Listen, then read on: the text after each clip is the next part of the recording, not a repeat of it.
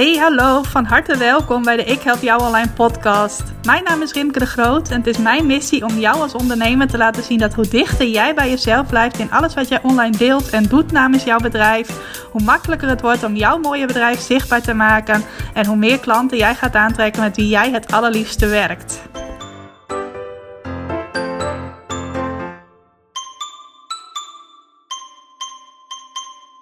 Hey, welkom, van harte welkom bij deze, ja, ik mag het nu eindelijk zeggen, deze honderdste aflevering van de Ik Help Jou Online podcast. Wat een bijzondere mijlpaal. Ik kan me nog goed herinneren dat ik uh, ja, een beetje in dezezelfde periode van het jaar in 2019 begon met podcasten. Ik dacht, het moet er nu echt van gaan komen. En toen kan ik me nog goed herinneren dat ik op de bank tegen mijn telefoon aan het praten was voor de eerste aflevering. En dat dat heel raar voelde om zo te praten tegen mijn telefoon. Maar wel in de wetenschap van er zijn straks mensen die dit ook gaan beluisteren. Nou, inmiddels is dat wel verdwenen, dat gekke gevoel hierbij. En vind ik het gewoon ongelooflijk leuk. Vond ik eigenlijk al vanaf aflevering maar volgens mij ben ik het steeds leuker zelfs gaan vinden om podcast op te nemen.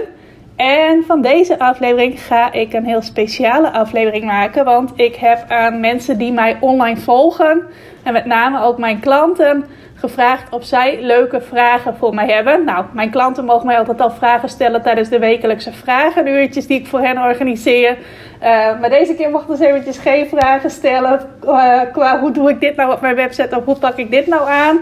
Maar echt uh, wat algemenere vragen waarvan het antwoord hopelijk voor iedereen leuk is om te horen. Nou, het is ook een geweldig leuke, veelzijdige selectie aan vragen geworden. En ook sommige vragen waarvan ik denk, oh jee, wat ga ik daar nou weer op antwoorden? Sommigen hebben het mij best wel uitdagend gemaakt. En er zitten ook ongelooflijk leuke vragen tussen. Trouwens, die vragen die wat uitdagend voor mij zijn, die zijn net zo goed leuk om te beantwoorden. Die zetten mij ook weer aan het denken. Dus daar ga ik je zo meteen in meenemen.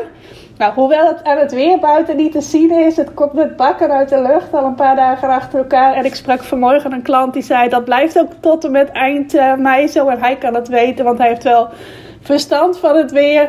Dus uh, daar bereid ik wel vast op voor. Maar ondanks dat het weer niet echt uh, feestelijk is, ben ik wel in een hele vrolijke stemming vandaag. Want uh, ik weet niet of je dat nog weet, dat ik vorige week vertelde dat ik die week een lancering ging doen voor mijn nieuwe trainingsschrijfblogs die klanten bereiken. Nou, dat is veel succesvoller en veel groter uitgepakt dan ik ooit had kunnen denken. Ik dacht van, nou, het zou leuk zijn als daar 10 mensen naar meedoen aan die blogtraining. Misschien zijn het er wel 20. Nou, en in uh, het meest extreme geval, of de meest ambitieuze verwachting, gaan er misschien 30 mensen meedoen. Maar uiteindelijk zijn er 55 mensen die zich hebben aangemeld voor die training. Nou, ik ben helemaal overweldigd. Ik was. Uh, afgelopen weekend, zaterdag, sloten de aanmelding voor de pilotronde. Was ik helemaal overdonderd. Ook toen ik zag hoeveel mensen op zaterdagochtend nog aanmelden. En nu de komende drie weken ga ik eerst de workshops die deel uitmaken van deze training, ga ik live geven aan de groep pilot deelnemers. Dus het gaat ook ontzettend leuk worden. En ja, ik heb er super veel zin in. Ik ben helemaal verrast en ook dankbaar dat zoveel mensen uh, zich hebben aangemeld. Is ook gelijk een tip die ik je mee kan geven. Geen vraag die gesteld is, maar wel even goed om met je te delen. Is om ook echt als jij marketing gaat doen voor je bedrijf, echt voor die lange termijn te gaan. En niet denken van, oh, ik ga vandaag iets doen, dat moet morgen meteen super succesvol zijn. Want ik heb nu ook gezien dat er heel veel mensen hebben aangemeld die mij al een hele lange tijd volgen. Die nog nooit iets van mij gekocht hadden en nu wel die stap durven te zetten. Ook uh, een heleboel van mijn klanten die zeiden deze training wil ik ook gaan doen. Dit vind ik een mooie aanvulling op wat ik al bij je volg. Nou, ook mensen die mij nog helemaal niet zo lang kennen en die ook hebben aangemeld voor deze training. Dus het is echt een hele mooie mix van uh, mensen die mij kort kennen, mensen die mij lang kennen. Mensen die mij al een hele tijd volgen via mijn e-mails. En mensen die dat nog niet zo lang deden. Mensen die al eerder bij mij gekocht hebben. Mensen die dat nu voor het eerst doen. Nou, dat gaat bij jou ook gebeuren op het moment dat jij zegt: Ik ben hier niet om uh, vandaag iets te doen en morgen meteen mega succesvol te zijn. Nee, dat mag een uh, reis zijn waarin ik echt voor de lange termijn uh, ga. Dus dat is eventjes een, een mooie tip die ik aan je mee wil geven. En ik heb er dus super veel zin in om uh, die training uh, de komende weken de eerste keer live te gaan geven. Misschien ben jij er wel bij als luisteraar. Want ik zag ook dat er een aantal luisteraars van de podcast zich hebben aangemeld voor deze blogtraining. En nou, dan gaan we elkaar binnenkort vast wel een keertje zien. En anders wel spreken in de bijbehorende Facebookgroep. Nou, ik ga beginnen aan het lijstje van vragen. Volgens mij zijn het er een stuk of twaalf. Dus uh, het kan wel eens een lange aflevering worden. Ik wil allereerst eventjes sorry zeggen tegen iemand. Namelijk tegen Matthea, die ook een vraag had ingestuurd. Via uh, de Instagram uh, had ik zo'n vraagsticker geplaatst waar je een vraag kon typen. En ik heb die vraag toen wel gelezen. En ik heb had ook het voornemen om hem te beantwoorden. En nu wilde ik hem terugzoeken in mijn overzicht van reacties op Instagram. En zag ik dat ik maar een paar dagen terug kon scrollen. En het was een vrij uitgebreide vraag, dus ik weet hem niet meer uit mijn hoofd. Hetzelfde geldt voor de vraag van Patricia, die was inmiddels ook verdwenen, maar die wist ik nog wel uit mijn hoofd omdat die vrij kort was. Maar Matthea, sorry, ik weet dat we elkaar binnenkort nog wel gaan spreken. Dus ook laten we afspreken dat jij mij dan die vraag nog even voorlegt. En dat uh, mocht het een vraag zijn die ook geschikt is voor de podcast, dat ik er misschien nog wel een keer een extra aflevering over maak. Nou, de andere vragen zijn wel nog goed bij mij uh, op het netvlies staan die, omdat ze per mail zijn gesteld of in de Facebookgroep die ik heb voor mijn klanten die mijn grotere trainingen bij mij volgen. En ik pak even snel een slokje water voordat ik in de eerste vraag duik van Astrid. En Astrid is een trouwe luisteraar van deze podcast. Dus ik begin gewoon als eerste met haar vraag. Astrid heeft uh, een vakantieaccommodatie in Frankrijk, Vermet en France. Dus als je nog een keer een leuke plek zoekt in Frankrijk, kan ik je zeker aanraden om naar Astrid toe te gaan. En Astrid die vraagt maar, jij bent ook vanuit het niets begonnen. Heb je nooit eens gedacht bij weinig websitebezoek of e-maillezers? Waar ben ik aan begonnen? Vooral op het gebied van internetmarketing is een goed bereik natuurlijk reuze belangrijk. Wat pakt je anders aan wanneer de dingen niet volgens wens verliepen? Nou, Astrid, ehm, toen ik begon met het opbouwen van mijn websitebezoek, mijn e-maillezers, ook mijn social media, maar vooral jij vraagt naar websitebezoek en e-maillezers, toen realiseerde ik mij al vrij snel: dit is iets dat moet groeien. En waarschijnlijk zal het ook zo zijn dat het eerst geleidelijk groeit en dat het daarna steeds sneller zal gaan groeien. Dus niet een lineaire groei, maar ja, er is zo'n naam voor, daar kom ik nou eventjes niet op. Maar dat het wel uh, eerst langzaam groeit en daarna sneller gaat groeien. Nou, op het moment dat ik begon met mijn bedrijf, met Ik Help Jou Online, dat heette eerst nog Ondernemers in het Buitenland. Want in eerste instantie, vandaar ook dat ik veel klanten heb die in het buitenland wonen. In eerste instantie was ik van plan om alleen mijn marketingtrainingen te gaan geven aan Nederlands sprekende ondernemers in het buitenland. Nou, later is dat verbreed naar ook ondernemers die gewoon in Nederland wonen. Maar uh, ben ik al bij de draad kwijt wat ik wilde zeggen. Uh, toen ik daarmee begon, toen had ik ook nog een ander bedrijf. Ik heb jarenlang als journaliste gewerkt, freelance journaliste. En ik heb mij ook meteen voorgenomen toen ik dit nieuwe bedrijf wilde starten. Ik ga het oude bedrijf geleidelijk afbouwen, dus stapje voor stapje. En het nieuwe bedrijf geleidelijk opbouwen. Dus er stond bij mij ook niet een druk op van, oh, er moet nu uh, meteen heel veel groei te zien zijn. Het moet nu binnen een maand zo zijn dat ik duizend bezoekers per maand op mijn website heb. Of ik moet meteen 500 mensen op mijn e-maillijst hebben. Dus dat zorgde ook al dat die druk er vanaf, uh, dat die er überhaupt niet zo was. Uh, natuurlijk wilde ik wel graag zo snel mogelijk met dat nieuwe bedrijf dat ik daar veel tijd aan kon besteden. En dat ik het oude kon afbouwen. Want ja, het was niet van niks dat ik daarmee wilde stoppen. En toen ben ik wel geleidelijk gaan kijken. Ook op het moment dat ik daar net mee begon. Van hé, hey, wat zijn nou slimme dingen om te doen? Websitebezoek vergroten, daar wist ik natuurlijk zelf het een en ander van. Want ik had al ervaring met bloggen. En ik had ook al meerdere websites gehad toen ik nog als journaliste werkte. Dus ik wist al hoe ik een website moest vullen en uh, maken en dergelijke. Ik heb dan ook uh, contact gekregen met uh, een jongen uit Friesland die ook veel met ondernemers in het buitenland werkte. Daardoor leerden wij elkaar volgens mij ook kennen. Ik weet niet meer precies hoe dat gegaan is, maar hij heeft toen een website voor mij gebouwd vrij snel. En toen ben ik daar de teksten van gaan maken en ben ik daar ook op gaan bloggen.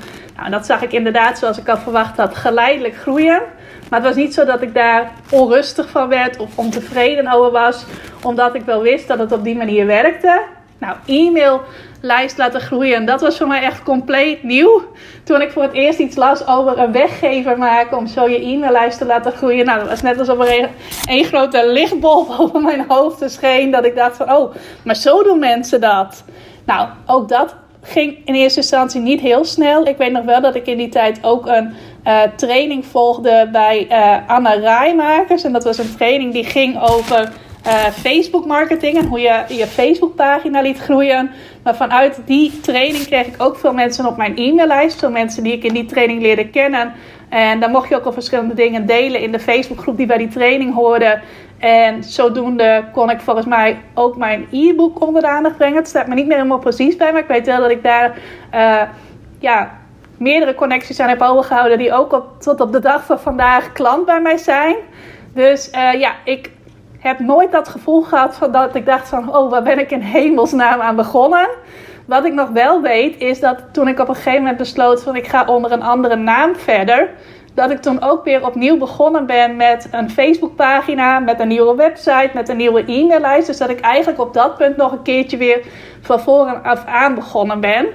En dan moet ik even goed nadenken. Volgens mij heb ik die overgang naar Ik Help Jou Online heb ik die gedaan in 2017 kan ook 2018 zijn geweest, maar volgens mij was het 2017. Nou, en toen had ik wel een beetje dat gevoel dat ik dacht van... hé, hey, ik heb dit nu net tot een bepaald punt opgebouwd... en nu moet ik weer van nul af aan beginnen. Ik weet nog wel dat ik dat wel frustrerend vond. Dat ik dacht van ja, uh, bijvoorbeeld bij die Facebookpagina had ik net een uh, pagina opgebouwd met meer dan duizend volgers... En ik kreeg het niet voor elkaar om die pagina op een nieuwe naam te zetten. Dus dan heb ik op een gegeven moment naar een nieuwe pagina gestart. En uh, dat frustreerde mij wel heel erg. Van, oh, dan moet ik weer bij nul beginnen terwijl ik net op duizend was. Uh, e-maillijst stonden toen een paar honderd mensen op. Die mensen heb ik gevraagd of ze mee wilden gaan naar een ander mailsysteem ook. Nou, dat deed niet iedereen, dus ik moest dan met een kleinere lijst beginnen. Website, nieuwe website moest natuurlijk ook weer van nul af aan beginnen. Nou, dat vond ik toen wel uitdagend. Dat ik dacht van ja, nou ben ik op een bepaald punt. En eigenlijk begin ik voor sommige dingen nu weer nou, niet helemaal op nul, want er waren ook mensen die van die oude naam en die oude plekken die ik had gecreëerd meegingen naar dat nieuwe. Maar ik was toen wel ineens weer een stukje minder ver. Maar in elk geval uh, geeft dat denk ik wel antwoord op jouw vraag van... Uh, heb je wel eens gedacht, daar ben ik aan begonnen? Nou, dat valt op zich wel mee. En jij vraagt ook nog, wat pakt je anders aan wanneer de dingen niet volgens wens verliepen? Nou, sowieso ben ik iemand die heel veel kijkt naar, hey, op het moment dat ik iets niet voor elkaar krijg, wat kan ik dan nog leren? Nou, dan ga ik bijvoorbeeld googlen, ga ik uh, mensen volgen die op dat gebied expert zijn. Bijvoorbeeld, hoe laat je nou een e-maillijst groeien? Heb ik dingen over gelezen. En op het moment dat ik dan uh, daar tips uit kan halen die ik zelf makkelijk in de praktijk kan brengen, dan doe ik dat. En als ik denk van, hé, hey, ik kom hier in mijn eentje niet snel verder mee. Dit gaat gewoon te lang duren om dit allemaal in mijn eentje uit te zoeken. Dan ben ik ook wel het type die zegt: hé, hey, dan ga ik daar een training voor volgen. Dan laat ik mij helpen door iemand die die reis al gemaakt heeft, die ik ook wil maken qua groei van bepaalde dingen. Dus ja, ik ben in die zin wel een heel leergierige ondernemer. Ik vind het leuk om te leren. Ik ben niet de type die nadat ze haar diploma's had gehaald, dacht: van yes, dan hoef ik nooit meer iets te leren of dan hoef ik nooit meer uh, te studeren. Nee, dat blijf ik ook altijd leuk vinden. Dus op het moment dat ik merk van iets gaat niet zo hard als ik wil of iets verloopt niet naar mijn wens, dan ga ik eerst altijd kijken wat kan ik er online over vinden, welke tips kan ik opdoen. Of dan ga ik in mijn schrijfblok schrijven van hey, wat zijn bijvoorbeeld 5 tot 10 ideeën die ik nu kan gaan uitwerken om dit wel te laten groeien. En op het moment dat ik het zelf niet zo goed weet, dan ga ik kijken wie kan mij daarbij helpen. En dan meld ik me ook aan voor een training voor het een of het ander. Dus uh, ja, dat is hoe ik dat aanpak. En ik hoop dat jij er wat uh, aan inspiratie uit kunt halen, Astrid. Dan ga ik door naar de tweede vraag. En dat is al gelijk een hele grote vraag. Die is afkomstig van Patricia. Patricia van de Pol. Van Liefst Patricia. Patricia heeft net een nieuw blog begonnen. Tenminste, ik weet niet of het überhaupt al in de lucht is, Patricia. Jij luistert vaak ook naar de podcast. In elk geval, mocht het al in de lucht zijn, kun je volgens mij haar nieuwe blog vinden op liefstpatricia.nl. En Patricia vraagt aan mij: wat is jouw grootste droom? Nou, en toen ik die vraag voorbij zag komen, dacht ik: oh jee, wat ga ik daar nou weer op antwoorden?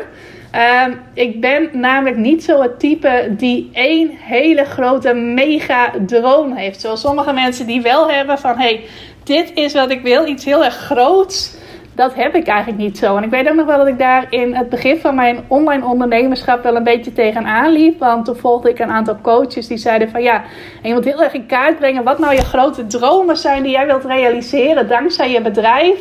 En wat uh, het kostenplaatje is om die dromen te realiseren. En dan kom je zo uit op de omzet die je moet gaan halen. En dan kun je dat helemaal berekenen. Heb je ook een heel sterke motivatie waarvoor je het doet. En dan ga je allemaal dingen buiten je comfortzone doen om maar die omzet te realiseren, zodat je je grote dromen kunt waarmaken. Nou, en daar liep ik eigenlijk al vast, want ik ben dus niet de type die één mega grote droom heeft. Ik uh, ben meer het type die geniet van een heleboel kleine dingen en die heel gelukkig kan worden van een grote combinatie van allemaal simpele dingen, zoals uh, gezellig uit eten gaan, een dagje naar zee gaan, uh, een mooi boek voor mezelf kopen af en toe een bijzondere reis maken. Vaak wel een korte reis, want ik ben niet iemand die graag lang van huis is. Uh, fijne dingen doen met familie. Allemaal van dat soort dingen. Dus mijn uh, grootste droom is eigenlijk om een leven te hebben dat een aaneenschakeling is van allerlei leuke kleine geluksmomenten. Is allemaal dingen waar ik uh, blij van. En als ik dat zo beschrijf, dan heb ik eigenlijk ook al zo'n leven. Kijk, bijvoorbeeld dingen als het eten gaan, die kunnen nu nog eventjes niet. Ze zitten nu nog in hopelijk de laatste fase van uh, de coronabeperkingen en dergelijke. Maar uh, eigenlijk is mijn grootste droom om een leven te kunnen leiden dat rustig is, dat simpel is en waarin ik allerlei kleine dingen kan doen waar ik van geniet in plaats van één mega groot ding. Dus dat was misschien niet het antwoord dat je had verwacht, Patricia, maar uh, het is wel de waarheid. Voor mij zijn vrijheid, relaxedheid, ontspannenheid, zelf mijn tijd kunnen indelen, uh, met fijne mensen zijn. Ik heb niet per se een mega grote vriendenkring, maar ik heb wel een aantal mensen die mij heel dierbaar zijn. En daar, ik breng liever veel tijd door met een klein groepje mensen dan dat ik uh, de behoefte heb om bijvoorbeeld met heel veel mensen contact te hebben, een hele grote vriendengroep te hebben. Ik ben ook iemand die eigenlijk meer gelukkig wordt van dichtbij een dagje weggaan dan een wereldreis te maken. Dus ja, ik ben wel echt van de simpele dingen. En als ik mij vrij voel en als ik uh, ja, allemaal van die kleine leuke dingetjes kan doen, ja, dan heb ik eigenlijk gewoon mijn grootste droom. Ga ik door naar een volgende vraag. Die vond ik ook wel heel erg leuk. En die is afkomstig van Marjolein. Marjolein heeft een chambre dood in Frankrijk. En dan hoop ik dat ik het goed uitspreek. Marjolein, dat is La Filonnière. Mijn Frans is een beetje weggezakt, want dat was niet mijn beste vak op school. Maar ik hoop dat ik het goed heb uitgesproken. En Marjolein die schrijft mij, je helpt heel veel ondernemers met hun marketing. En hebben jouw leerlingen tussen aanhalingstekens hun marketing wel eens zo goed gedaan dat jij hun product gekocht hebt. En heb jij wel eens een leuke marketingstrategie bij je leerlingen gezien en overgenomen? Nou, vond ik een hele leuke vraag. Of eigenlijk zijn dat twee vragen. En dat eerste, dat is zeker het geval. Ik heb heel veel uh, producten, heel veel diensten inmiddels gekocht bij leerlingen tussen aanhalingstekens van mij. Dan moet ik wel bij zeggen dat het een combinatie is van dat zij hun marketing goed doen. Plus dat ik ook een connectie met hen heb gemaakt. En heb ontdekt dat ze gewoon leuke mensen zijn. Die leuke dingen doen. En dan ben ik al snel enthousiast zodra zij met iets komen waarvan ik denk van... Hé, hey, dat kan ik ook wel gebruiken. Dat vind ik ook leuk om me daarin te verdiepen of iets dergelijks. Dat ik dan ook een aankoop bij hen doe.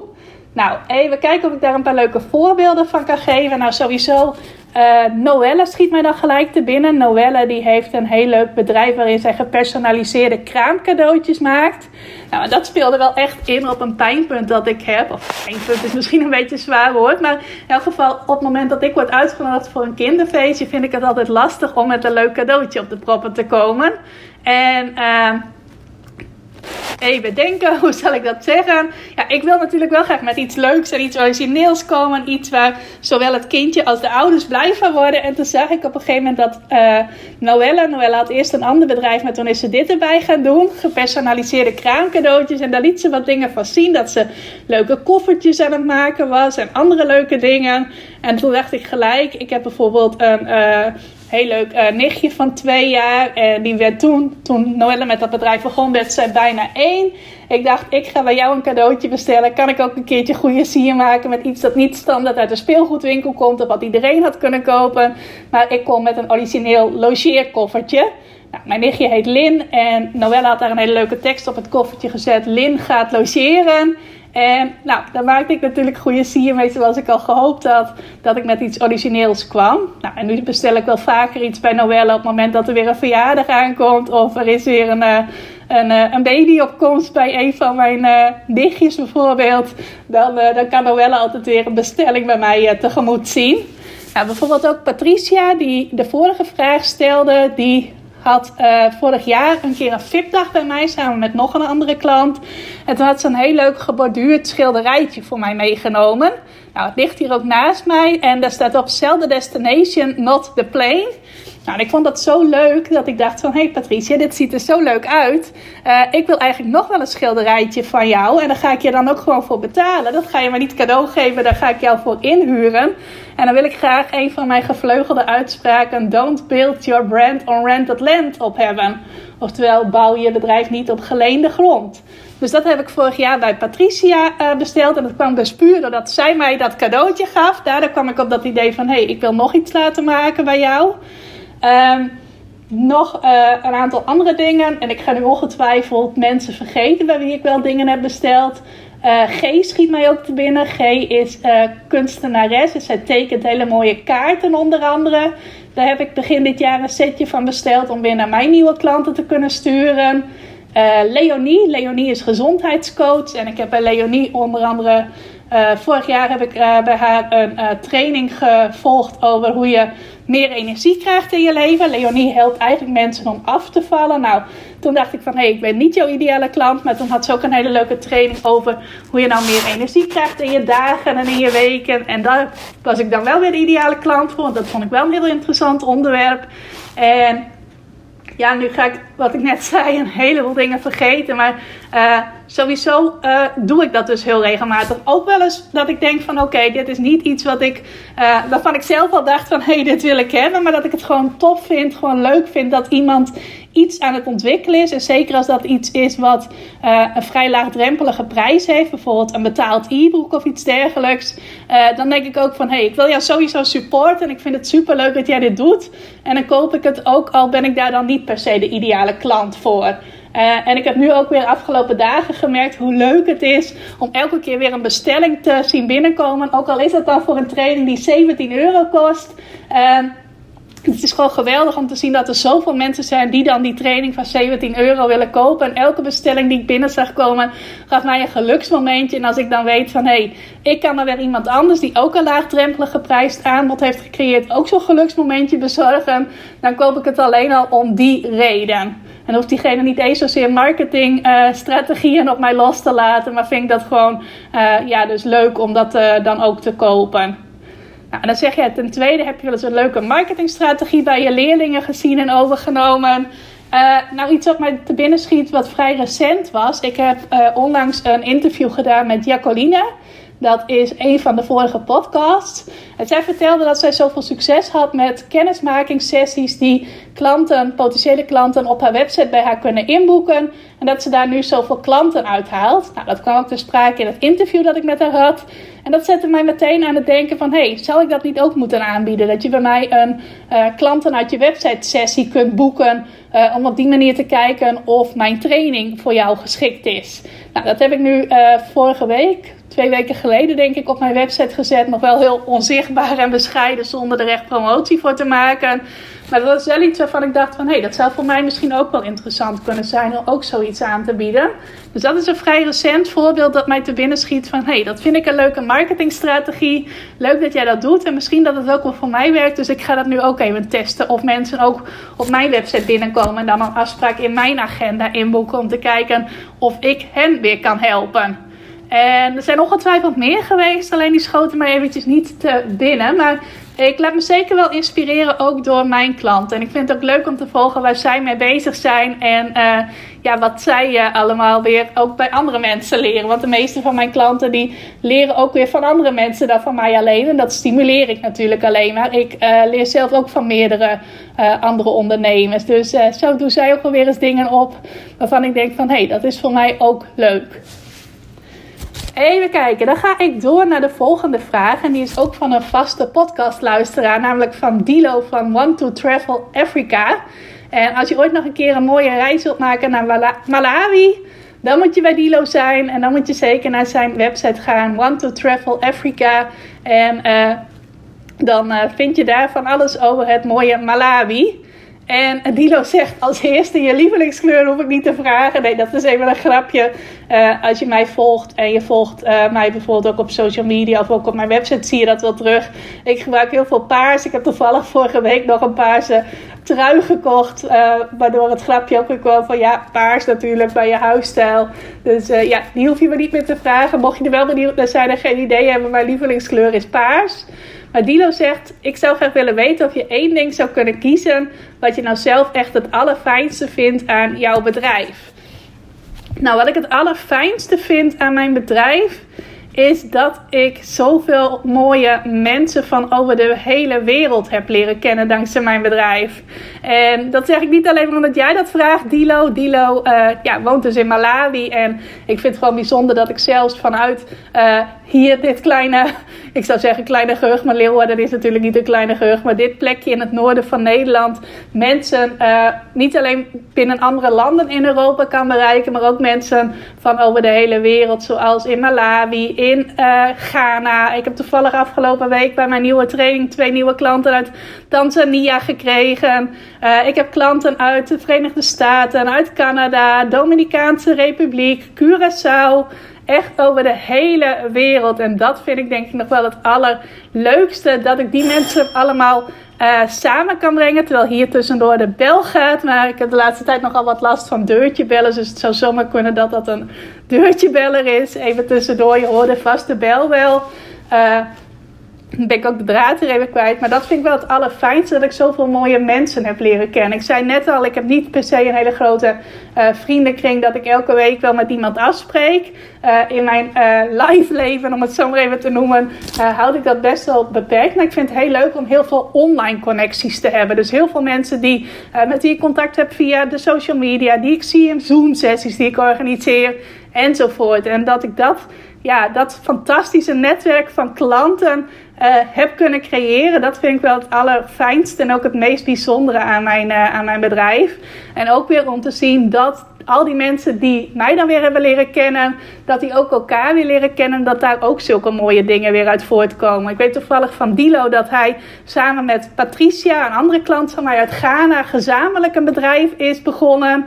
Nou, en ik heb dat de hele afgelopen uh, ruime jaar zitten volgen, hoe Dilo en Patricia steeds meer gezamenlijke plannen zijn gaan maken. En als ik dat dan zie en zie wat voor moois daaruit voortkomt, nou dat begon volgens mij bij een keer een interview via Instagram live.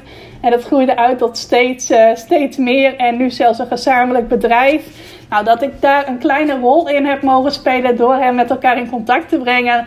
Dat soort dingen, daar word ik nou echt ontzettend, uh, ontzettend blij van. En dat ik zoveel mensen met elkaar kan verbinden. Ik denk dat dat naast het bloggen wel mijn allergrootste uh, passie is in mijn bedrijf. Om mensen met elkaar te mogen verbinden. Mensen met elkaar in contact te brengen. Uh, en zelf dus die mensen ook te leren kennen. Dus ja, als ik één ding mag kiezen waarvan ik zeg dat vind ik het allerfijnste, dan is het gewoon dat ik zulke mooie, fantastische mensen allemaal uh, enthousiast heb gemaakt om überhaupt bij mij klant te worden. Want je kunt bij heel veel verschillende mensen klant worden, maar dat, je, dat jullie juist bij mij klant zijn geworden en dat ik jullie dan ook weer met elkaar allemaal kan, kan verbinden. Nu zeg ik even jullie, omdat ik weet dat er ook veel klanten van mij luisteren, maar ik bedoel dus dat ik veel klanten van mij met elkaar kan verbinden, daar een rol in kan spelen en dat ik dus zelf ook zoveel mooie mensen uit allerlei verschillende landen leer kennen en ook weer heel veel kan leren van uh, hen en van uh, de dingen die zij meemaken en de dingen die zij beleven enzovoort enzovoort. Dus uh, ja, dat is het wel zo'n beetje. Ga ik door met de vraag van Karin, Karin Immerseel van Quinta Vale Pocaccio. Nou, ik hoop ook maar weer dat ik dit goed uitspreek, Karin. Karin heeft in elk geval een heel mooi gastenverblijf in Portugal. En ik las dat Portugal voor vakanties vanuit Nederland weer op de veilige lijst is gezet. Dus ik hoop dat Karin vanaf nu weer hele drukke uh, weken en maanden tegemoet gaat. Waarin ze heel veel mensen kan ontvangen op haar mooie onontdekte plek. Waar veel meer mensen van zouden moeten weten in Portugal. Karin heeft ook een hele mooie vraag aan mij. Ze zegt uh, iets persoonlijks over jou.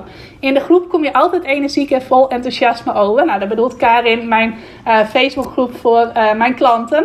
In de webinars op het vragenuurtje komt iedereen aan bod. Met veel geduld beantwoord je alle vragen en daarnaast blijf je maar ontwikkelen. Als je niet aan het werk bent, doe je ook allerlei leuke dingen.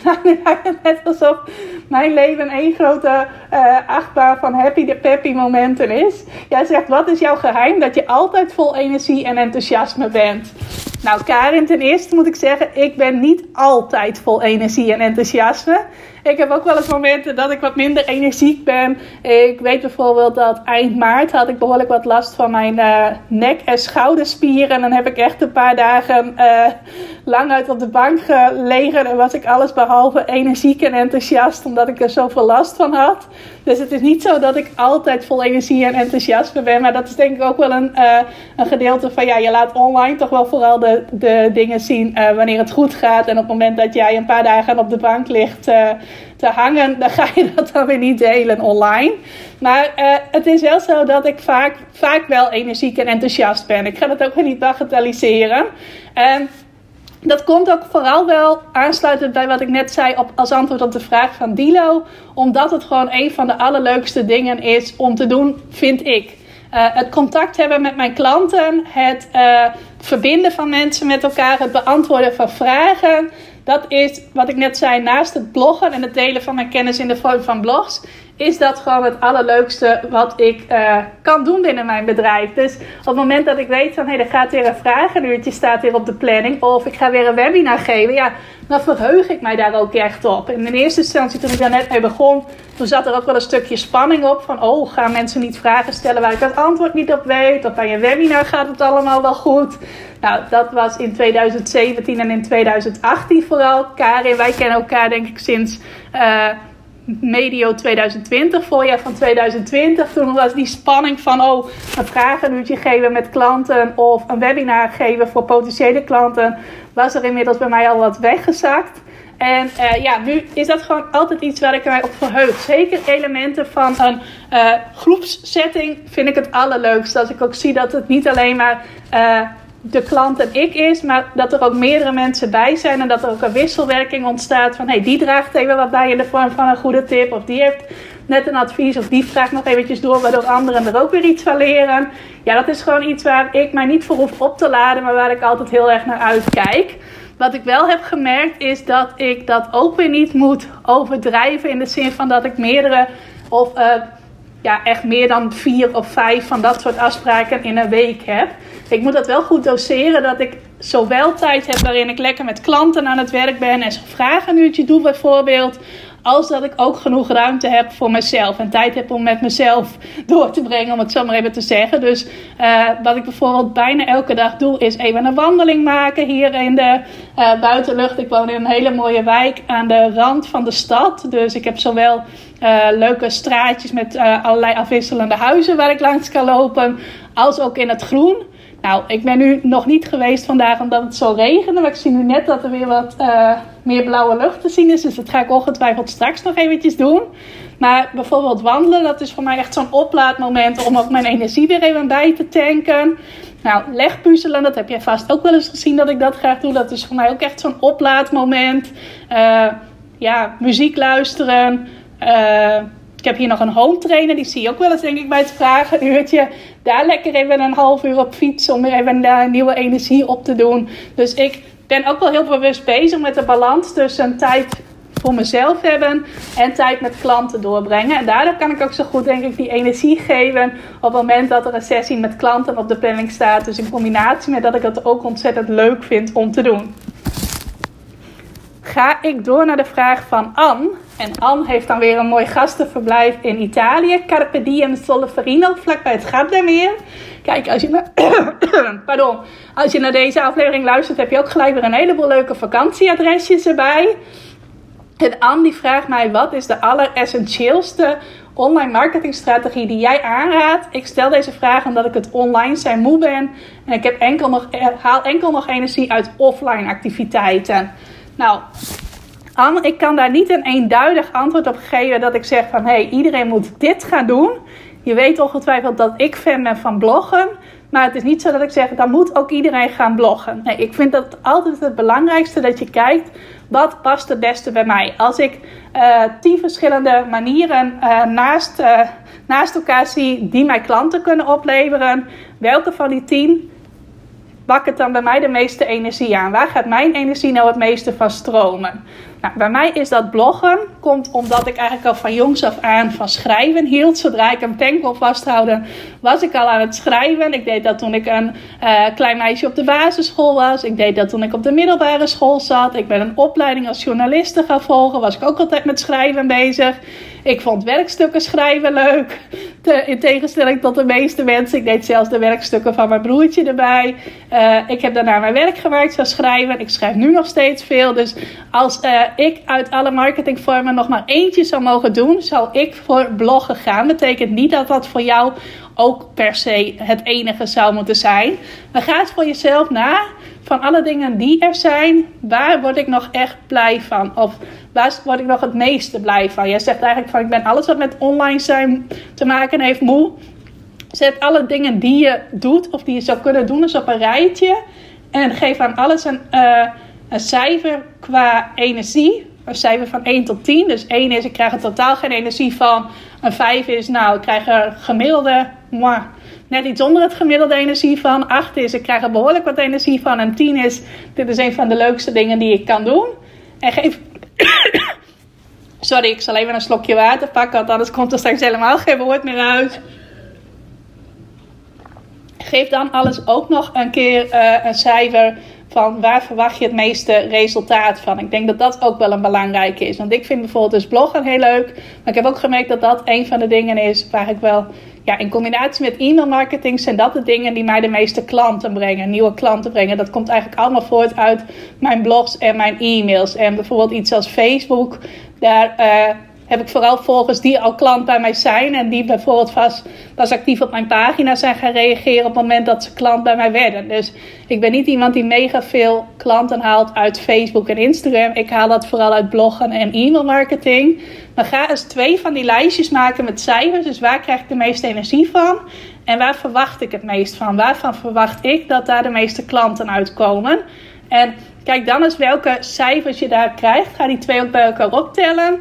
En wat er dan uitkomt als hoogste cijfer. En ook al is dat maar dat je uh, iets eruit krijgt wat uh, bij elkaar opgeteld maar 7 punten krijgt of 8 punten krijgt, krijgt, ga eens kijken of je dat dan kunt, uh, kunt gaan doen of kunt blijven doen. En als je zegt ik krijg er echt helemaal geen energie meer van, zou je zelf ook nog de vraag kunnen stellen: stel dat ik alleen nog maar aan offline marketing zou kunnen doen, kan ik dan geloven dat ik dan ook voldoende gasten naar mij toe krijg? is dat überhaupt onmogelijk? Want dat wordt dan wel gezegd van ja, tegenwoordig moet iedereen aan online marketing doen. Maar misschien is het ook nog wel prima mogelijk om het vooral uit offline activiteiten te halen. Dat is ook nog iets wat je voor jezelf kunt gaan onderzoeken. Maar in elk geval zou ik je daar niet een, een eenduidig antwoord op kunnen geven van hey, dit is het enige wat je moet doen als je maar één ding wil doen. Maar uh, ja, ga dat bij jezelf na. Want uiteindelijk kun je met alles wat je doet, als je het goed doet, kun je klanten krijgen. Ik weet bijvoorbeeld ook van klanten van mij die superveel uit LinkedIn halen. Nou, ik kan um, niet mijn enthousiasme opbrengen om elke dag iets op LinkedIn te doen. Dus ik haal er ook geen klanten uit. Komt ook door het simpele feit dat ik er te weinig aan doe, maar er te weinig in verdiep. Vind ik dat erg? Nee, dat vind ik niet erg, want ik heb andere middelen die mij klanten opleveren. Maar op die manier moet je eigenlijk een beetje kijken. En als je er alsnog niet zelf uitkomt, mag je me ook altijd even een berichtje sturen dat we er samen naar kunnen kijken. Wat het enige is wat jij zou kunnen overhouden. En ik weet ook wel, of ik vermoed ook wel aan, dat jij wel weer energie gaat krijgen op het moment dat jij weer meer gasten kunt ontvangen. En uh, jij weer je leven kunt oppakken zoals dat was voor corona. Dus die wil ik je ook nog eventjes meegeven als kleine persoonlijke noot. Dan ga ik door naar de vraag van Olga. Olga is van de Vier Vaargetijden. Een heel fijn vakantieschip waarmee je het mooie België vanaf het water kunt verkennen. En Olga die vraagt aan mij: wat is genieten voor jou? Nou, Olga, wat is genieten voor mij? Als ik tijd kan doorbrengen op het water, op of rond het water eigenlijk. Als ik mijn ideale dag moet beschrijven, dan moet daar zeker een element van water een rol in spelen. Nou, dat kan heel simpel zijn dat het zo mooi weer is dat ik mijn eigen zwembad in mijn achtertuin kan opzetten. Maar het is bijvoorbeeld ook uh, een dagje naar Vlieland kunnen. Ik ben al een tijdje niet meer op Vlieland geweest. Maar daar kijk ik heel erg naar uit om weer een keertje uh, daar op zee eerst om de reis naar Vlieland te maken. En dan aan zee te zijn. En op het moment dat ik uh, ja, de lucht van de zee kan ruiken, dan ben ik helemaal gelukkig. Dus als ik kijk naar mijn privéleven, dan is zoiets wel genieten voor mij. En zeker als daar ook nog familieleden van mij bij een rol spelen. Want ik ben ook wel echt een familiemens. Ik zei net al, ik heb niet een mega grote vriendenkring, maar ik heb wel iemand die hecht is met haar familie. vooral met mijn nichtjes ook. En ja, als ik ergens met familie ben en het is ook nog bij zee, ja, dan ben ik gewoon volop, volop aan het genieten. En verder is uh, in mijn werk is genieten voor mij wel echt als ik, nou wat ik net al zei, uh, mensen bij elkaar kan brengen. Bijvoorbeeld voor een vragenuurtje of voor een uh, webinar of voor een, een challenge van vijf dagen. Dan ben ik ook helemaal aan het genieten als ik vijf dagen met een leuke groep ondernemers aan de slag ben om hen iets te leren. Maar ook als ik mooie content kan maken. Dus als ik een mooi blog aan het schrijven ben of een podcast aan het opnemen ben waarvan ik denk van oh, er zal altijd wel iemand zijn die hier iets uit gaat halen. Nou, daar geniet ik ook heel erg van. Als ik mijn kennis kan delen in een bepaalde vorm, waardoor anderen daar ook weer iets mee kunnen. Dus ik hoop dat dat een antwoord is dat jouw uh, deugd doet. Ga ik door met de vraag van Elma. Ik zie dat er nog heel wat vragen staan trouwens. En dat ik volgens mij al vrij lang aan het kletsen ben. En Elma heeft ook weer zo'n vraag waarvan ik dacht: oh jee, wat ga ik daar dan weer op antwoorden? Elma is trouwens van het bedrijf gewoon opgeruimd. Op het moment dat jij denkt van mijn, uh, mijn huis is uh, gewoon, om het zo maar te zeggen, een zootje. Dan moet het daar gebeuren. Ik krijg het zelf niet voor elkaar om de boel opgeruimd te krijgen. Dan moet je contact opnemen met Elma van gewoon opgeruimd. En Elma die vraagt mij, stel dat ik je 10 miljoen euro geef. Wat zou je ermee doen? Nou, 10 miljoen euro. Ik kan me niet eens voorstellen hoeveel geld dat is. En uh, ja, natuurlijk heb ik ook wel eens, daar, daar begint mijn moeder heel vaak over, dus daar heb ik ook wel zo aan nagedacht. Stel dat uh, Gaston van de Postcode Loterij ineens voor de deur staat en je wint een miljoen of meer. Wat zou je dan doen? Um, ja, dan kom ik eigenlijk ook weer een beetje bij wat ik bij Patricia zei. Ik ben niet iemand die een mega grote droom heeft waarvoor miljoenen euro's nodig zijn. Uh, de kans is groot dat ik er verschillende dingen mee ga doen. Dat ik sowieso een gedeelte opzij zal zetten op zo'n manier dat ik gewoon uh, nooit meer financiële druk hoef te voelen. Niet zozeer nooit meer hoef te werken. Want ik denk dat ook als ik ineens vanuit het niets 10 miljoen euro zou krijgen, dat ik gewoon mijn werk zou blijven doen. Gewoon omdat ik het heel erg leuk vind om te doen. Uh, ik denk dat ik ook wel een gedeelte zou gebruiken uh, om uh, ja, mensen die een bepaalde, uh, ja, nog een bepaald doel voor ogen hebben waar veel geld voor nodig is, om die te helpen. Ofwel een mooie droom of iets dat ja, een praktisch doel heeft. Bijvoorbeeld een, een tante van mij die tien jaar geleden nog vrij vitaal was. Die heeft geleidelijk een bepaalde ziekte ontwikkeld. Uh, waarvan, uh, ja, waar nooit echt een goede diagnose voor gesteld is, laat ik het zo zeggen. Het heeft wel iets weg van MS, maar het paste net niet in het MS-plaatje. Dus uiteindelijk heeft ze nu een uh, ziekte met onbekende diagnose. Ik weet wel van hen, dat, uh, van mijn oom en tante, dat als zij in één keer heel veel geld zouden hebben, dat ze dan nog wel een keer naar Amerika zouden willen om daar nog een keer goed onderzoek te laten doen van wat is het nou en is er toch nog een behandeling voor en uh, ja, dat soort dingen. En als ik die 10 miljoen zou krijgen van iemand of zou winnen of zo, dan zou ik hen wel willen helpen om die reis naar Amerika mogelijk te maken, zodat uh, zij wel dat onderzoek kunnen doen en uh, ja, mijn tante misschien toch nog fysiek vooruit kan gaan. Want ze heeft ook vier hele lieve dochters die mij ook heel dierbaar zijn. En ja, als ik daar iets voor zou kunnen betekenen, zou ik dat wel heel mooi vinden. Ik zou zeker ook kijken van, hey, wat zijn goede doelen die ofwel mij nu al aan het hart liggen, of die ik zou leren, kunnen leren kennen dan via mensen weer die ik ken, of ik die dan kan steunen. Uh, ik zou ook wel bij uh, mensen die mij dierbaar zijn checken van, hey, heb je nog grote dromen die je tot nu toe niet hebt gerealiseerd?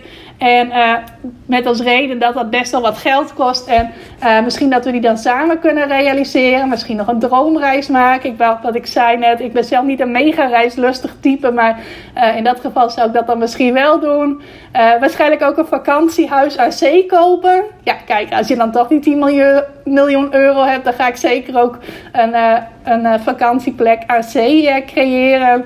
En ja waarschijnlijk is die 10 miljoen euro dan nog lang niet op. Dus uh, dan uh, zou ik nog een heleboel andere dingen moeten verzinnen. Maar ja, dit is wat er nu als eerste in, uh, in mij opkomt als je dat zo vraagt. Ik ben trouwens ook heel benieuwd, Elma, wat jij zou doen als ik jou 10 miljoen euro geef. Dus misschien dat je mij dat nog een keertje kunt laten weten. ga ik door naar de vraag van Esther. En dat is ook een vraag die eigenlijk alleen maar van Esther kan komen. Esther is mijn virtual assistant. En uh, haar bedrijf heet EF Office Management. En ik noem Esther wel eens een wandelende tools encyclopedie. Ze weet alles van online tools. En nou vraagt zij aan mij: wat zijn jouw favoriete online tools? Nou, wat zijn mijn favoriete online tools? Ik ben sowieso een hele grote fan van Auto Respond. Ik pak trouwens nog even een slokje water, want ik voel weer aankomen dat mijn stem anders wegzakt. Ik ben dus een hele grote fan van AutoRespond. AutoRespond is software waarmee je e-mails kunt versturen. En binnen die software kun je ook weer een betaalsysteem koppelen. En dat ben ik gaan gebruiken in 2016 volgens mij. En sindsdien ben ik mij blijven verbazen over wat daar allemaal wel niet mee kan. Bijvoorbeeld vorig jaar wilde ik beginnen met het aannemen van affiliates. Dat bleek gewoon binnen mijn uh, software die ik al had te kunnen. Daar hoefde ik niks extra's voor aan te schaffen. Uh, een tijdje geleden uh, was er een bedrijf en die had allerlei hippe software waarmee je mensen kassakoopjes kon aanbieden en nog allerlei andere dingen. Dat als die twee kochten, dat je dan gelijk nog een aantal andere opties kunt aanbieden als vervolg daarop. Nou, toen zag ik dat en dat iedereen helemaal weg was van die software en dat allemaal ging aanschaffen. Toen ben ik dus even in mijn eigen auto-response software gaan kijken. Bleek dat bij mij dus al standaard erin te zitten. Nou, en ik kan er zoveel mee. Het zijn trouwens ook ontzettend vriendelijke en behulpzame mensen die achter die software zitten. Uh, als ik een keer een vraag heb, ik heb niet zo heel vaak een vraag, maar als ik een keer een vraag heb, heb ik eigenlijk altijd per omgaande antwoord daarop. Ik heb wel eens een gastblog geschreven voor hun website. Uh, ik heb wel eens contact met de eigenaresse en die weet dan ook precies welke software ik nog meer gebruik. En die stelt daar dan weer vragen over. Dus dat is echt wel mijn, uh, ik denk wel mijn nummer één favoriet. Uh, andere software of andere online tools die ik gebruik. Ik ben ook fan van Vimeo. Vimeo, daar zet ik al mijn lesvideo's op, zodat ze netjes afgeschermd zijn en alleen mijn klanten erbij kunnen komen. En ik ze vanaf Vimeo weer in mijn online leeromgeving kan zetten. Nou, de leeromgeving die ik gebruik, die is van Huddle. Huddle is ook een online tool, kant-en-klare leeromgeving waar ik gewoon op een heel makkelijke manier mijn lessen in kan zetten. Nou, het moet voor mij altijd niet te moeilijk zijn, want dan, uh, ja, dan uh, dan kom ik vast te zitten en dan heb ik weer iemand nodig die mij daarbij moet helpen. Nou, Esther kan dat dan weer heel goed, maar met Huddle kan ik heel goed zelf overweg. Dus dat is ook een favoriete online tool voor mij. En ja, verder. Ik ben heel blij met mijn uh, microfoon. Ik gebruik trouwens geen microfoon voor mijn podcast. Dat hoor je waarschijnlijk wel. Maar ik heb wel een microfoon waarmee ik onder andere mijn video's opneem. Nou, dat is mijn uh, blauwe. Hij staat hier naast mij. Mijn blauwe snowball. Mijn blue snowball. Daar ben ik heel blij mee. En die gebruik ik dus ook veel. En verder, ja, weet ik het eigenlijk niet. Ik heb wel een pagina op mijn website ook, die heet uh, slash tools volgens mij. En uh, daar staan wel op welke tools ik zoal gebruik. Maar als je vraagt mijn favorieten, dan schieten deze mij als eerste te binnen. Dus AutoRespond, Vimeo, Huddle en mijn Blue Snowball. Mijn, uh, weet deze of dat een tool is. Dat is gewoon een fysiek dingetje. Maar in elk geval, mijn microfoon ben ik ook heel blij mee. Nee, het is geen online tool. Een microfoon is geen online tool, bedenk ik. Maar in elk geval krijg je die als bonus uh, antwoord op jouw vraag. Ga ik door naar de vraag van Leonie. Leonie is van gezondheidscoach Leudal. En ik noemde haar net al eventjes. Op het moment dat jij graag wilt afvallen, of uh, ook als je last hebt van emotie eten en je wil om die reden, daar wil je graag vanaf en je wilt graag afvallen, dan moet je bij Leonie zijn. En haar bedrijf heet nu nog even Gezondheidscoach Leudal. Ik weet dat zij bezig is met een nieuwe naam, maar ze heeft mij nog niet verteld wat die nieuwe naam is, dus die kan ik nu nog niet roepen. Uh, maar zij vraagt mij: wat heb jij zoal geleerd van al jouw klanten en wat vind jij het leukste aan je werk en het ondernemerschap? Nou, wat heb ik zoal geleerd van al mijn klanten? Nou, een heleboel. Ik zou niet eens zozeer nu specifieke dingen kunnen noemen. Maar gewoon, uh, ja, het heeft mijn leven ontzettend verrijkt om met zoveel mensen die zoveel verschillende mooie dingen doen in contact te komen. Wat ik net ook zei, mensen die uh, ook in andere landen wonen, waar ze weer andere culturen hebben en weer andere dingen uh, oppikken in die culturen, die zij dan ook weer in hun leven verwerken en der, verwerken, ja, verwerken en dergelijke. Maar ik heb heel veel geleerd van mijn klanten. Uh, alleen nu even specifiek één ding noemen. Of jij vraagt eigenlijk zoal, dus even vijf dingen noemen of zo. Uh, weet ik eigenlijk niet. Ik denk dat ik van iedereen gewoon wel iets geleerd heb qua uh, nou, positief in het ondernemerschap staan. Zoals van jou, Leonie, om goed je energie te bewaken. Zodat je niet alleen maar bijvoorbeeld, zoals ik uh, ook al heb gehad, alleen maar ochtends energie hebt. Maar ook bijvoorbeeld halverwege de middag. Nou, we gaan nu al behoorlijk halverwege de middag toe. Ik kan nu veel beter mijn energie verdelen. En daar ben ik ook mede dankzij jou beter op gaan letten. Dat ik mezelf ook energiek voel gedurende de dag. Uh, ik heb bijvoorbeeld ook geleerd dat er heel veel mooie plekken zijn op de wereld. Want ik heb dus veel klanten die in de vakantiebranche werken. En over die plekken heb ik dan ook weer allerlei leuke dingen geleerd. Ik heb ook heel veel opgestoken trouwens van uh, Margriet, Margriet Ravensbergen. Zij uh, uh, is websitebouwer en zij heeft afgelopen jaren in mijn Ik Help Jou Online Academie, toen ik die nog als membership runde, heel veel vragenuurtjes gegeven over de technische kant van je website. Dus hoe beheer je je website? Wat voor handige plugins zijn er allemaal? Hoe hou je je website veilig? Enzovoort, enzovoort, enzovoort. Nou, daar heb ik ook heel wat van opgestoken. Ik ben zelf meer van de inhoudelijke kant van websites, van niet zozeer van de technische kant. Nou, ik ben inmiddels zo enthousiast over magie dat ik ook klant bij haar ben geworden. En zij nu ook mijn website uh, even onder handen gaat nemen qua snelheid. Maar ja, zo zou ik, ik zou tegelijk een heleboel dingen kunnen opnoemen. En er schiet me nu eventjes niet zo snel iets heel concreets te binnen. Maar dat is dus niet omdat ik geen dingen heb geleerd. Ik heb juist ontzettend veel geleerd van al mijn klanten. Nou, en wat ik het leukste vind, heb ik eigenlijk net al beantwoord bij uh, de vraag van Dilo. En dat is om ja, mensen bij elkaar te brengen. Maar wat ik ook wel heel leuk vind aan het ondernemerschap op zich, is dat het eigenlijk altijd een reis is die in beweging blijft. Ik zag toevallig bij uh, iemand die ik heel graag volg op Instagram Stories, onlangs een hele leuke story. Zij zei van, ik heb eigenlijk een hekel aan het huishouden. En dat is omdat het nooit klaar is. Uh, en ik vind persoonlijke ontwikkeling ontzettend leuk, omdat het nooit klaar is. En dat lijkt dan een tegenstrijdigheid. Maar ze zei er ook bij, ja, bij het huishouden is het eigenlijk dat je keer op keer dezelfde dingen weer moet doen. Dus bijvoorbeeld de afwas, de was, stofzuigen, komt allemaal telkens weer terug. Het is nooit klaar en het moet telkens weer opnieuw. En persoonlijke ontwikkeling, dat is ook nooit klaar. En het is steeds weer iets nieuws wat je leert. En je blijft je steeds weer op een nieuw vlak ontwikkelen. Of op hetzelfde vlak ga je weer een laagje dieper. En dat is ook wel iets waar ik heel erg van hou. En wat ik ook merk aan mezelf, dat ik nu bijvoorbeeld een heel ander uh, type ben dan bijvoorbeeld tien jaar geleden. Dat ik nu veel zelfverzekerder ben in wat ik doe. En dat ik me op allerlei vlakken heb ontwikkeld. En uh, ja, dat is ook wel iets wat ik heel erg leuk vind aan het ondernemerschap. En ik weet van jou, Leonie, dat jij dat ook hebt. Dat het gewoon nooit klaar is. Dat je telkens weer nieuwe levels bereikt. Nieuwe dingen over jezelf leert. Er is ook zo'n uitspraak die zegt van je kunt met je bedrijf nooit verder groeien dan dat jij als mens groeit. Dus je moet eigenlijk ook om je bedrijf te laten groeien als mens steeds verder blijven groeien. En ja, dat is ook wel iets wat ik heel erg leuk vind aan het ondernemerschap. Om uh, jezelf steeds te blijven ontwikkelen.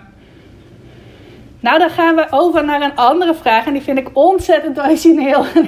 ik vond het ook gelijk leuk toen ik die vraag zag. Hij is afkomstig van Petra. Petra heeft een chambre d'hôte in Frankrijk, plus Belle Vue.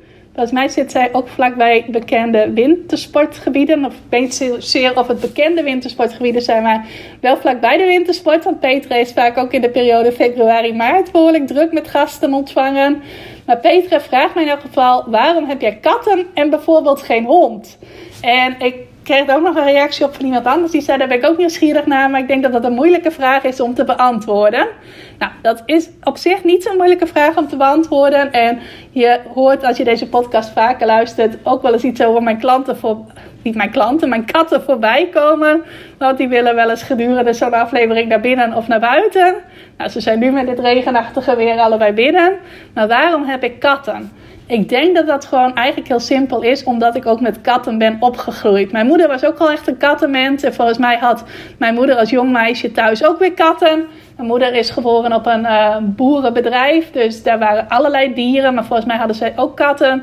Nou, toen mijn moeder mijn vader leerde kennen, had ze ook al twee katten. En toen uh, eerst ik en een paar jaar later mijn broertje werden geboren, toen waren die twee katten er ook nog steeds. Dus ik ben uh, sowieso met katten opgegroeid. En dan is denk ik ook al vaak zo dat, ja, als je dat als leuk ervaart, dat je dat zelf daarna ook katten wilt.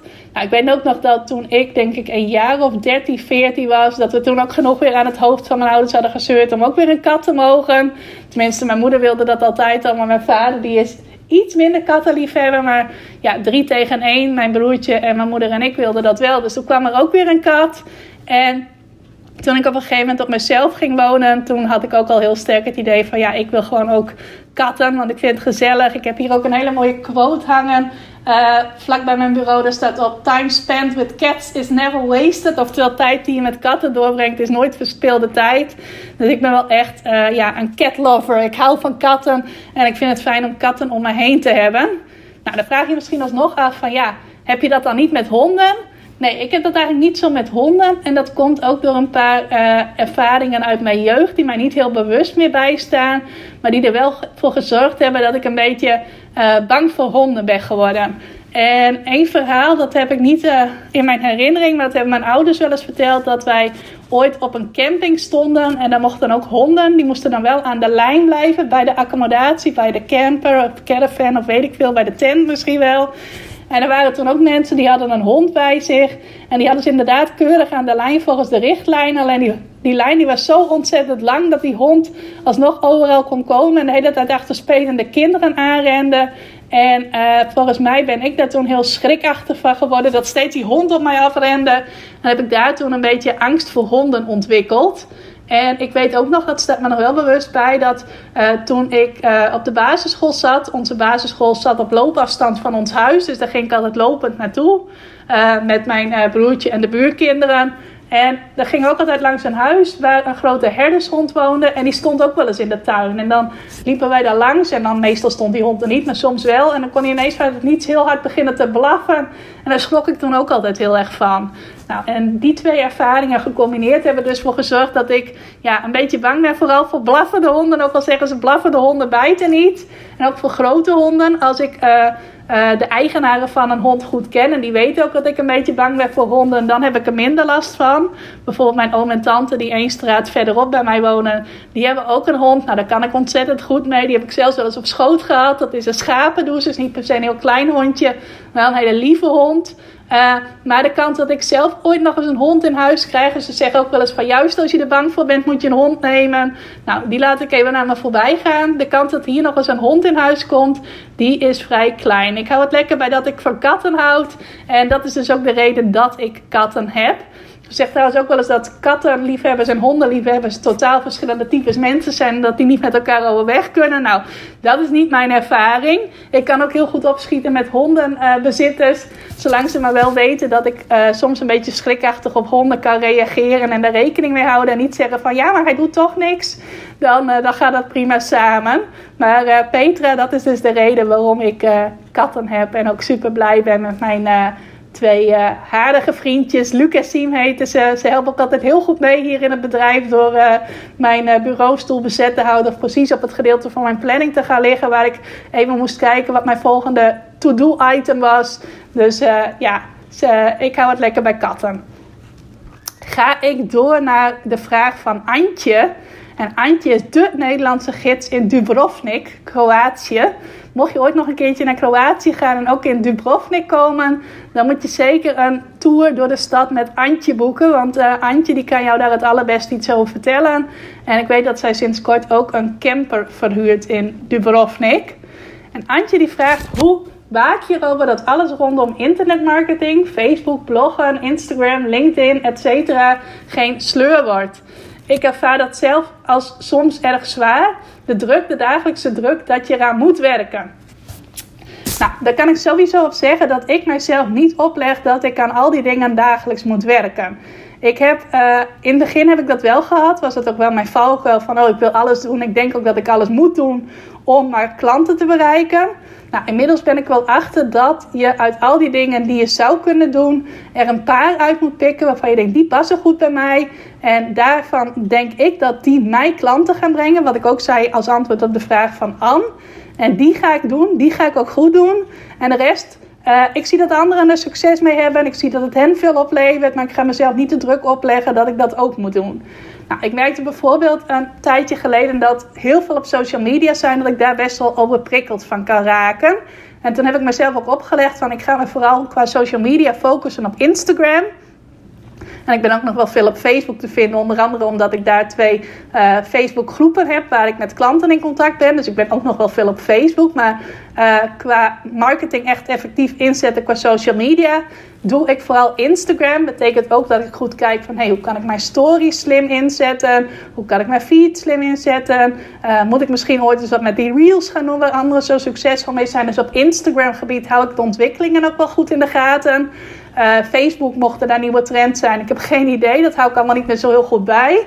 LinkedIn, wat eerder al even te sprake kwam. Ik weet dat een aantal van mijn klanten daar heel succesvol mee zijn. Maar ik ga mezelf niet opleggen dat ik dat ook moet doen. Ik weet ook dat er gezegd wordt van ja, dan moet je s ochtends om 7 uur elke dag een post online zetten. En dan moeten daar hashtags bij en uh, emojis en dit en dat. En dan denk ik al, ik ben bijvoorbeeld al moe voordat ik daaraan denk. Dus LinkedIn laat ik heerlijk links liggen. Geldt nog voor een heleboel andere dingen. Wat ik eigenlijk doe is uh, bloggen in combinatie met e-mail marketing. Ik doe Instagram. Nou, en ik neem natuurlijk deze podcast op. Ik moet wel zeggen, podcast is voor mij nog niet zozeer een middel om duizenden mensen te bereiken. Hoeft ook helemaal niet. Podcasten doe ik ook vooral omdat ik het gewoon leuk vind om een half uur tot een uur, volgens mij nu al langer, tegen luisteraars te kletsen. En zo uh, ook mijn gedachtenspinsels met mensen te kunnen delen en dergelijke. Maar mijn tip 1 zou zijn: leg jezelf niet op dat alles moet. Of dat je alles nodig hebt om aan klanten te komen. En als ik merk dat er bij één kanaal uh, even de sleur in komt, dan ga ik kijken van hé, hey, hoe kan ik dit speelser aanpakken? Wat zijn dingen die ik kan doen om dit weer even leuk voor mezelf te maken? Nou, bijvoorbeeld met social media heb ik mezelf afgelopen jaar een social media vakantie gegeven in de zomer. Dat ik dacht, ik piep er gewoon even drie weken tussenuit en ik doe er even niks aan. Nou, dat bleek helemaal niet schadelijk te zijn voor mijn bedrijf of voor mijn marketing of wat dan ook. Um, pardon. Um, maar dat is dus ook wel een tip die ik voor je heb. Op het moment dat het gaat voelen als een sleur, ga dan uh, ofwel het even op een wat lager pitje zetten, ofwel kijken, heb ik dit wel echt nodig? Of als je zegt van ja, ik heb het echt nodig, hoe kun je het even een andere aanpak geven? Kun je misschien wat meer uh, andere dingen van jezelf laten zien of wat andere soortige dingen delen? Kun je dat op een meer speelse manier aanpakken? Dat is iets dat voor mij wel heel goed werkt en dat zorgt er vaak ook voor dat iets waar ik eventjes uh, niet zoveel energie bij voel, dat het dan op een gegeven moment ook snel wel weer leuk wordt. Heb ik ook wel eens met de podcasten gehad, dat het even als een sleur ging voelen. Nou, heb ik het even op een lager pitje gezet. En toen begonnen er weer allerlei ideeën in mijn hoofd te borrelen van, oh, maar hier kan ik het ook over hebben. En anders ga ik dit nog een keertje doen, of ik ga mensen interviewen. Dus uh, tip 1 is, heb je alles wel nodig? Tip 2 is, als je er even genoeg van hebt, hebt ga het even op een lager pitje zetten. Of ga bijvoorbeeld... Uh, uh, in een paar uurtjes heel veel dingen inplannen, zodat je dan daarna er weinig omkijken naar hebt. En tip 3, als je toch voelt ik moet ermee doorgaan, kun je het op een leukere, speelsere manier aanpakken. Dat is wat ik daarover kan zeggen. En dan zijn we nu toch echt bij de laatste vraag gekomen. Ja, en die is van een dame die ik recent ook nog heb geïnterviewd op deze podcast, namelijk Gonnie Linsen van La Vecchia Scuola in het mooie Italië. Nou, ik hoef volgens mij niet meer te roepen dat je dit seizoen bij Gonnie op vakantie mag komen. Want zij heeft al zoveel boekingen dat ze bijna alleen maar nee moet verkopen. Maar uh, heeft wel een hele mooie vraag voor mij. Zij schrijft: Ik heb er even over na moeten denken, maar de honderdste wil ik niet overslaan, natuurlijk. Nee, Gonnie, een vraag van jou kon hierin niet ontbreken. Dan had ik deze hele aflevering gewoon aan me voorbij laten gaan. even zonder gekheid. Een vraag: Hoe zorg je ervoor dat je op de hoogte bent van de laatste nieuwtjes met betrekking tot jouw vakgebied? Nou, ik ben. Uh, ja, iemand die sowieso heel erg houdt van leren. Wat ik al eerder zei, ik ben wel een leergierig type. Dus ik hou ontwikkelingen wel aan in de gaten. Ik moet ook wel zeggen, ik ben niet iemand die uh, per se alle nieuwe ontwikkelingen hoeft te weten. Ik ben ook wel heel erg van de... Uh, de, hoe noem je dat, de lange termijn strategieën. Dus de dingen die een paar jaar geleden al werkten en die nu nog steeds werkten. Dat is ook vooral wel de kern van mijn bedrijf. Dat ik vooral dingen doe die uh, niet echt aan hypes en trends onderhevig zijn. Maar die gewoon uh, ja, eigenlijk altijd werken. Bijvoorbeeld zoekwoorden gebruiken in je blogs en dergelijke. Maar natuurlijk houd ik ook wel nieuwe dingen in de gaten. Uh, qua website marketing en wat daarin slim is om te doen en dergelijke. Daarin volg ik heel graag Neil Patel. Nou, die is bij jou ook al bekend, Gonnie. Voor degenen die hem niet kennen. Neil Patel is een uh, bekende Amerikaanse ondernemer die heel veel weet van SEO, dus van zoekwoorden uh, en alles wat daarmee te maken uh, heeft. Hij is ook de eigenaar van de website Ubersuggest. Nou, daar heb je mij misschien wel eens over horen praten. Dat is een heel handige website waar je uit kunt zoeken waar jouw potentiële klanten nou naar googelen. Nou, daar heb ik ook, oh, die ik, vergat ik ook nog bij de online tools waar Esther naar vroeg. Maar Uber Suggest is ook wel een van mijn favoriete online tools. Daar heb ik een betaald abonnement op. Wat betekent dat ik daar heel uitgebreid van alles in kan opzoeken over waar mensen nou naar googelen. Uh, maar Neil Patel heeft ook weer een eigen blog waarin hij heel veel schrijft over ontwikkelingen op het gebied van website marketing, SEO, manieren om meer verkeer te krijgen naar je website, maar ook naar andere plekken zoals YouTube en social media en dergelijke. Dus die volg ik heel graag en die, uh, die brengt mij als het ware op de hoogte. Ik weet sowieso ook dat vaak in Amerika lopen ze alweer een stukje voor op waar wij in Europa mee bezig zijn. Dus dat vind ik ook wel heel leuk dat je dan ook dingen hoort waar je dan uh, een tijdje later ineens iedereen in Europa weer over hoort praten. Nou, um, ik lees ook heel graag boeken. En dat zijn dan niet per se boeken over de laatste nieuwtjes, maar wel over bepaalde strategieën die interessant zijn. Uh, ik ben nu bijvoorbeeld bezig in het boek van Russell Brunson, ook een bekende Amerikaanse ondernemer. Hij heeft vorig jaar een boek uitgebracht dat heet Traffic Secrets. Nou, daar ben ik toen alles in begonnen, maar ik heb het nu weer uh, erbij gepakt en nu ga ik het ben ik voornemens om het echt helemaal van A tot Z te lezen. Uh, verder luister ik graag naar podcasts. Nou, dat zijn ook niet altijd podcasts over de laatste nieuwtjes, maar uh, wel vaak over nieuwe strategieën. Dingen die uh, bekende, succesvolle ondernemers hebben uitgeprobeerd en die zij graag weer met hun luisteraars willen delen. Nou, ik luister bijvoorbeeld graag naar Amy Porterfield, die vaak van dat soort afleveringen maakt over nieuwe marketingstrategieën en dergelijke. Ik heb nog coaches uit Canada die ik, bij wie ik meerdere trainingen volg. Jill en Josh Stanton heten zij van de Screw the 9 to 5 podcast.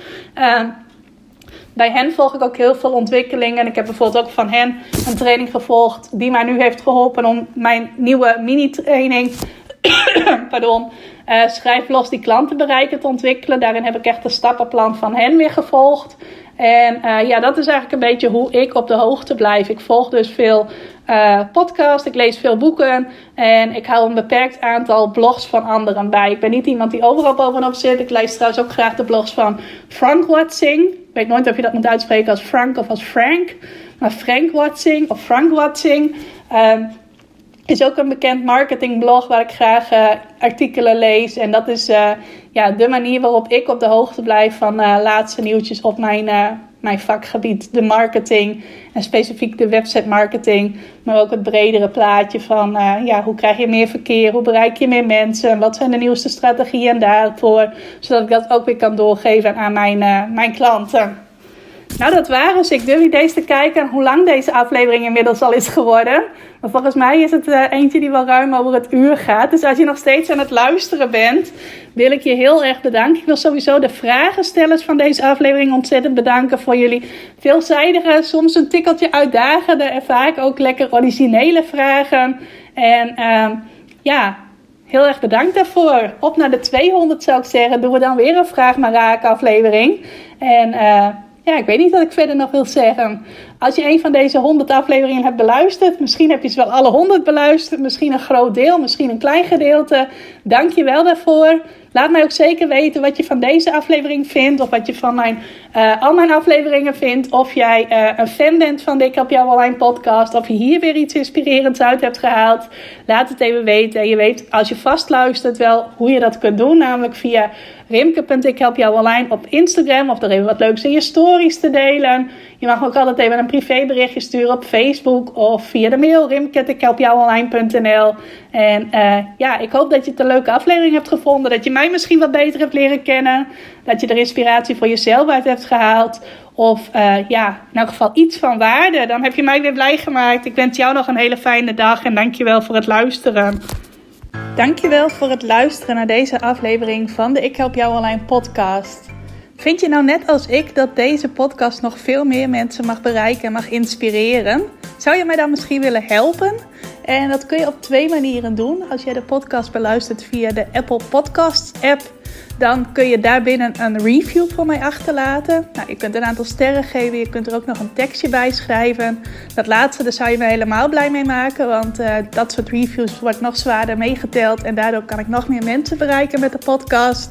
Nou, heb je geen Apple Podcast apps of wil je misschien nog iets extra's doen? Deel dan als je wilt even een screenshot van dat je deze podcast luistert in je Instagram stories. Tag mij daarin. Zet er ook even bij wat het meest waardevolle of inspirerende is dat je uit deze aflevering gehaald hebt. Nou, zodra ik dat zie, zal ik dat ook weer delen in mijn stories. Dus jij krijgt ook nog extra bereik. Naast dat je mij enorm helpt door ook bij jouw storykijkers mijn podcast onder de aandacht te brengen. Nou, duizendmaal dankjewel als je dat wilt doen. En ik hoor je graag weer bij een volgende podcastaflevering.